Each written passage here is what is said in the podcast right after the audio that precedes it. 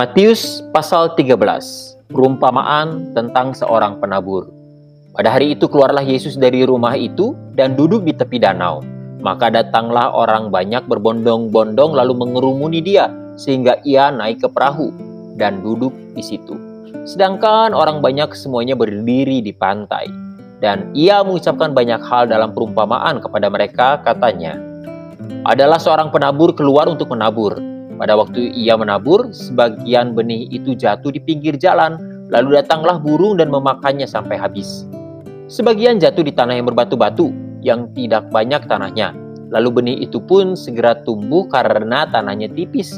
Tetapi sesudah matahari terbit, layulah ia dan menjadi kering karena tidak berakar. Sebagian lagi jatuh di tengah semak duri, lalu makin besarlah semak itu dan menghimpitnya sampai mati. Dan sebagian jatuh di tanah yang baik lalu berbuah. Ada yang seratus kali lipat, ada yang enam puluh kali lipat, ada yang tiga puluh kali lipat. Siapa bertelinga, hendaklah ia mendengar. Maka datanglah murid-muridnya dan bertanya kepadanya, Mengapa engkau berkata-kata kepada mereka dalam perumpamaan? Jawab Yesus, Kepadamu diberi karunia untuk mengetahui rahasia kerajaan sorga, tetapi kepada mereka tidak. Karena siapa yang mempunyai, kepadanya akan diberi, sehingga ia berkelimpahan. Tetapi siapa yang tidak mempunyai, apa pun juga yang ada padanya akan diambil daripadanya. Itulah sebabnya aku berkata-kata dalam perumpamaan kepada mereka, karena sekalipun melihat, mereka tidak melihat, dan sekalipun mendengar, mereka tidak mendengar dan tidak mengerti. Maka pada mereka genaplah nubuat Yesaya yang berbunyi, Kamu akan mendengar dan mendengar, namun tidak mengerti. Kamu akan melihat dan melihat, namun tidak menanggap. Sebab hati bangsa ini telah menebal, dan telinganya berat mendengar, dan matanya melekat tertutup. Supaya jangan mereka melihat dengan matanya dan mendengar dengan telinganya dan mengerti dengan hatinya, lalu berbalik sehingga aku menyembuhkan mereka.' Tetapi berbahagialah matamu karena melihat dan telingamu karena mendengar. Sebab aku berkata kepadamu, sesungguhnya banyak nabi dan orang benar ingin melihat apa yang kamu lihat, tetapi tidak melihatnya. Dan ingin mendengar apa yang kamu dengar, tetapi tidak mendengarnya. Karena itu, dengarlah arti perumpamaan penabur itu. Kepada setiap orang yang mendengar firman tentang kerjaan sorga, tetapi tidak mengertinya, datanglah si jahat dan merampas yang ditaburkan dalam hati orang itu. Itulah benih yang ditaburkan di pinggir jalan. Benih yang ditaburkan di tanah yang berbatu-batu ialah orang yang mendengar firman itu dan segera menerimanya dengan gembira, tetapi ia tidak berakar dan tahan sebentar saja. Apabila datang penindasan dan penganiayaan karena firman itu, orang itu pun segera murtad.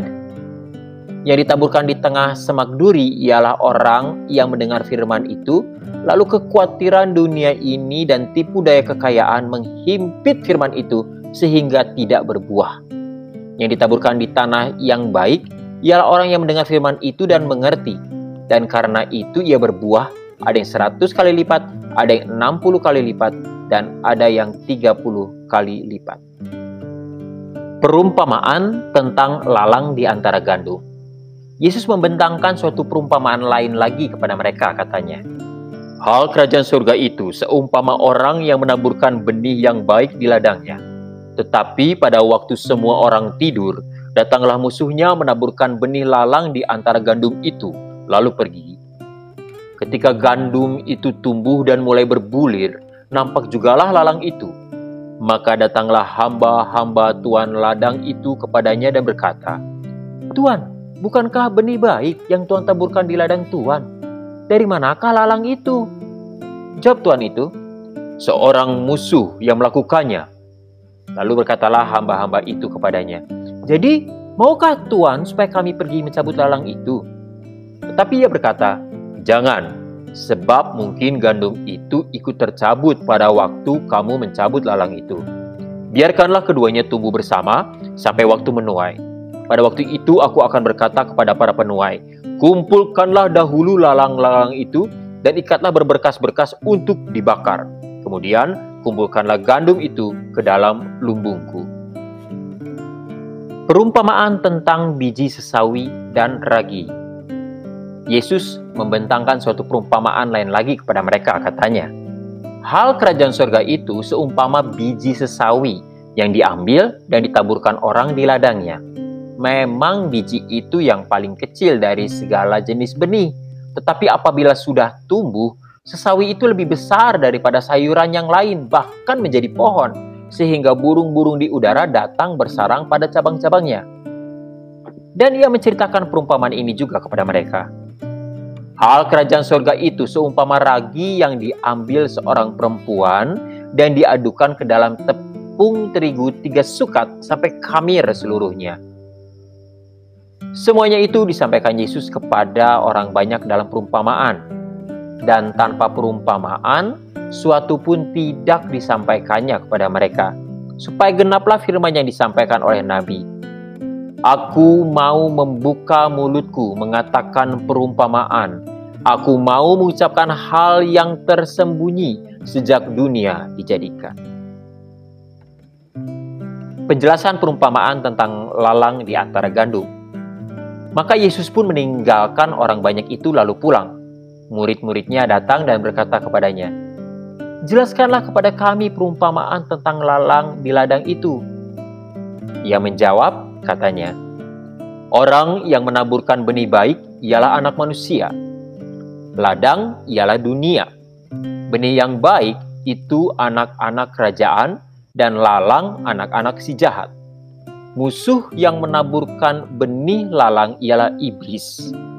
Waktu menuai ialah akhir zaman dan para penuai itu malaikat. Maka seperti lalang itu dikumpulkan dan dibakar dalam api Demikian juga pada akhir zaman, anak manusia akan menyuruh malaikat-malaikatnya dan mereka akan mengumpulkan segala sesuatu yang menyesatkan dan semua orang yang melakukan kejahatan dari dalam kerajaannya. Semuanya akan dicampakkan ke dalam dapur api. Di sanalah akan terdapat ratapan dan kertakan gigi. Pada waktu itulah orang-orang benar akan bercahaya seperti matahari dalam kerajaan Bapa mereka. Siapa bertelinga, hendaklah ia mendengar. Perumpamaan tentang harta terpendam dan mutiara yang berharga. Hal kerajaan sorga itu seumpama harta yang terpendam di ladang yang ditemukan orang, lalu dipendamkannya lagi. Oleh sebab sukacitanya, pergilah ia menjual seluruh miliknya, lalu membeli ladang itu. Demikian pula hal kerajaan sorga itu, seumpama seorang pedagang yang mencari mutiara yang indah, setelah ditemukannya mutiara yang sangat berharga, ia pun pergi menjual seluruh miliknya, lalu membeli mutiara itu. Perumpamaan tentang pukat. Demikian pula hal kerajaan surga itu seumpama pukat yang dilabuhkan di laut, lalu mengumpulkan berbagai-bagai jenis ikan. Setelah penuh, pukat itu pun diseret orang ke pantai, lalu duduklah mereka dan mengumpulkan ikan yang baik ke dalam pasu dan ikan yang tidak baik mereka buang. Demikianlah juga pada akhir zaman. Malaikat-malaikat Tuhan akan datang memisahkan orang jahat dari orang benar. Lalu mencampakkan orang jahat ke dalam dapur api. Di sanalah akan terdapat ratapan dan keretakan gigi. Mengertikah kamu semuanya itu? Mereka menjawab, Ya, kami mengerti.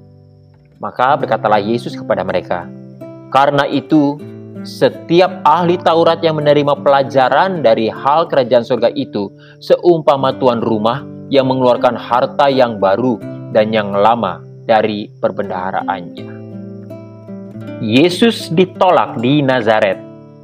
Setelah Yesus selesai menceritakan perumpamaan-perumpamaan itu, ia pun pergi dari situ.